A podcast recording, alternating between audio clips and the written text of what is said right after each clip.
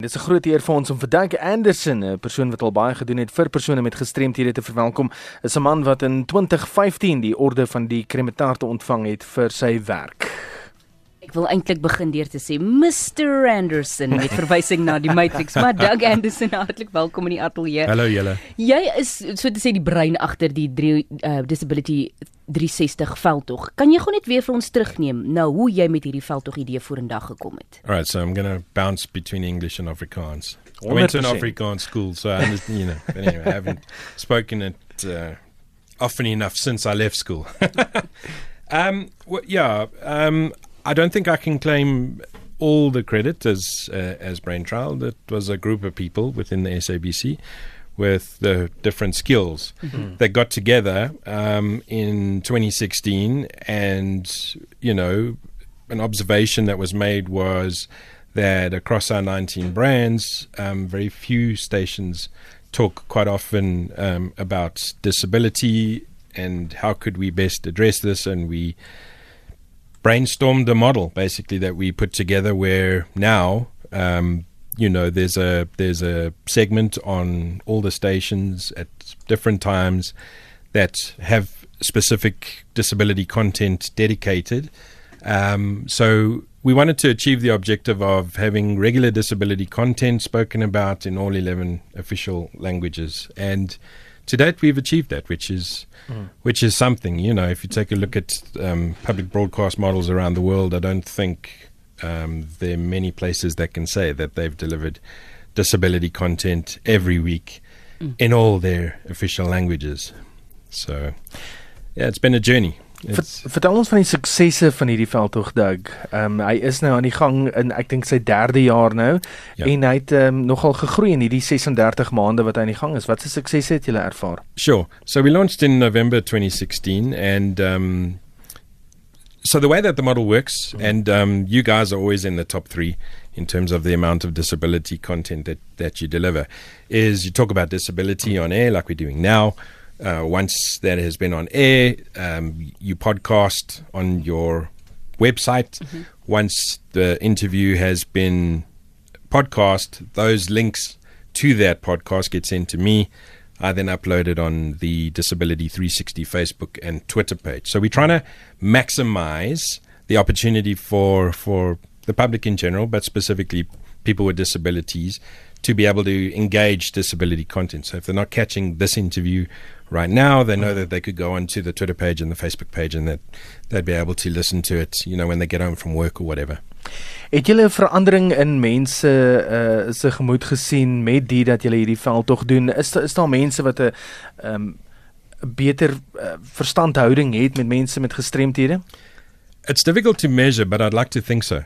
You know, um, I do get positive comments from the sector, um, from government, etc. When I attend different meetings, they they do have faith in the project, and and clearly the fact that they they keep on asking us to get involved in different things, the fact that the sector then so, sends us information. And there's, a, I mean, I can show you a document. I printed it uh, a couple of days ago of, of the calendar for, you know, the disability calendar for the year. And I mean, it's a thick document. There's literally something going on every day. But the fact that we have that relationship and that people are sending content and that brands are doing interviews, um, it, it must, it can only change perceptions and how people view people with disabilities. And, you know, um, if you go and look at my journey, um, yeah, I mean it hasn't been an easy one. So w- when I when I got the opportunity to be on radio, I've always had that in the back of my mind to say, you know, how can I make this world a better place so that a child with a disability doesn't have to go through everything that I've got uh, gone through to get to this point in my life. Ons fokus net gou vir 'n oomblik daarop dat jy is in 'n rolstoel. Ehm um, Ja. wat het gebeur? From birth, I have a condition called spina bifida.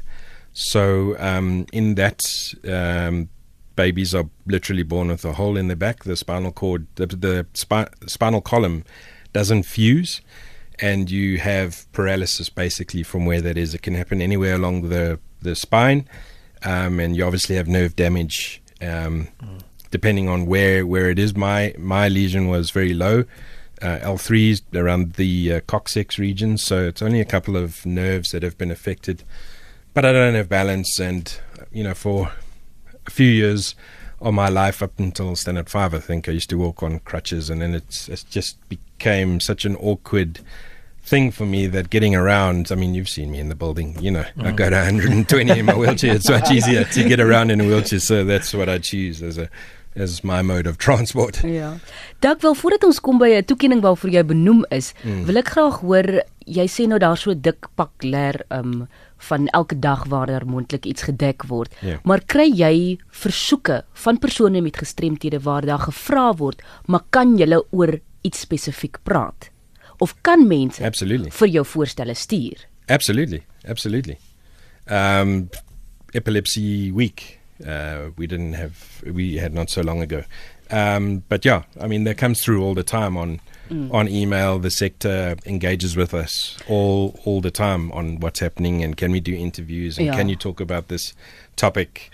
Uh, Stuur jy dit dan verder aan vir die radiostasies Yes, ja. om daardie onderwerpe te dek? Yes. Goed, so jy is dan hartlik welkom om met Doug kontak te maak of dan nou via die Facebook bladsy wat hy vroeër genoem het. Ons gaan Ja. binnekort al daardie besonderhede gee.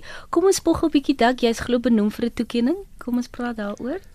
So I've been shortlisted for the, the Premier of Gauteng Disability Rights Excellence Awards. So Wel Doug. Yeah, there's a there's a series of interviews that have to happen. I've had the first one.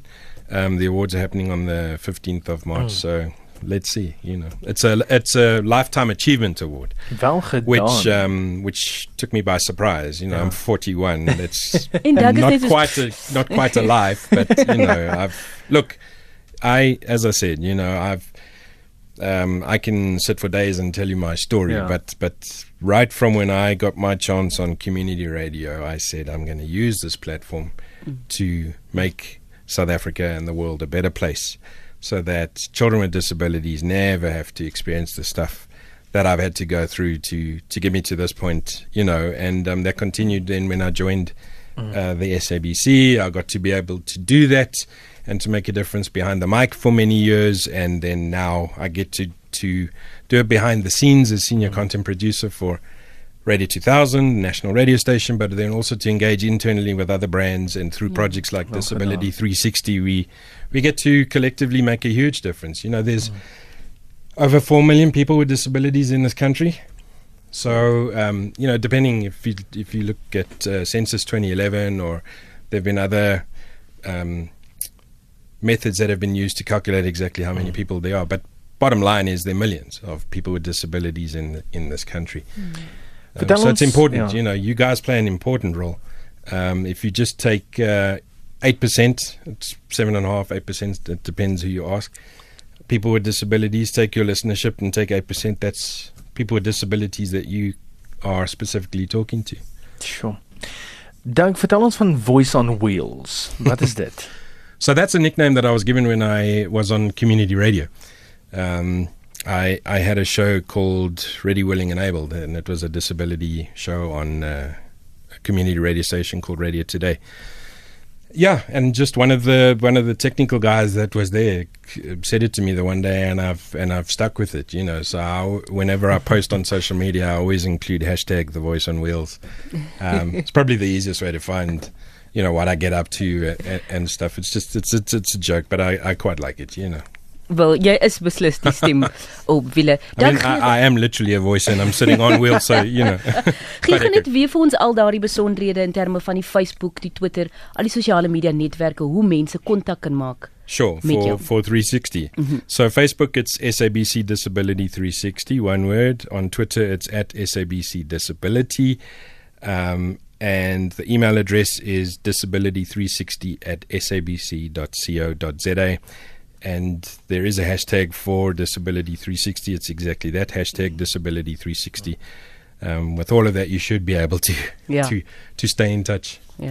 Aldag sterkte vir die uh, moontlike toekenning wat jou pad kan kom. Wel Thank gedaan you, ook thank vir die uh, orde van die Kremetart waarmee jy vereer is 'n paar jaar gelede Sure. en vir die werk wat jy doen. Dis fantasties. Thank you, and thank you for your continued support. You know, as I know, I I, I do the monthly reports for the disability content across the 19 brands, and and RSG remains in the top three, and it's been in the top three since inception. So, so continue. Ironically, XKFM ge- generally comes in first. You wouldn't think. Dis ons Uh, with the, with the, with the oh, uh, how do you classify it? regional community Yeah. radio Yeah. station, so, you know, churning out the most disability content. Sjoe. Wel gedaan Ja. Platfontein. So there's the challenge. I'm putting, you know, Regina is are you van. listening? So nou, jy is luisteraar, jy kan ons ook help. Stuur gerus vir ons jou versoeke deur indien daar graag enige onderwerpe is wat jy graag wil hê ons môre moet gesels as dit handel oor Disability 360 as ons kyk na die veldtog. Dag het al daardie besonderhede gegee. Gewoonlik is daar ook al die onderhoude op potgooi beskikbaar rsg.co.za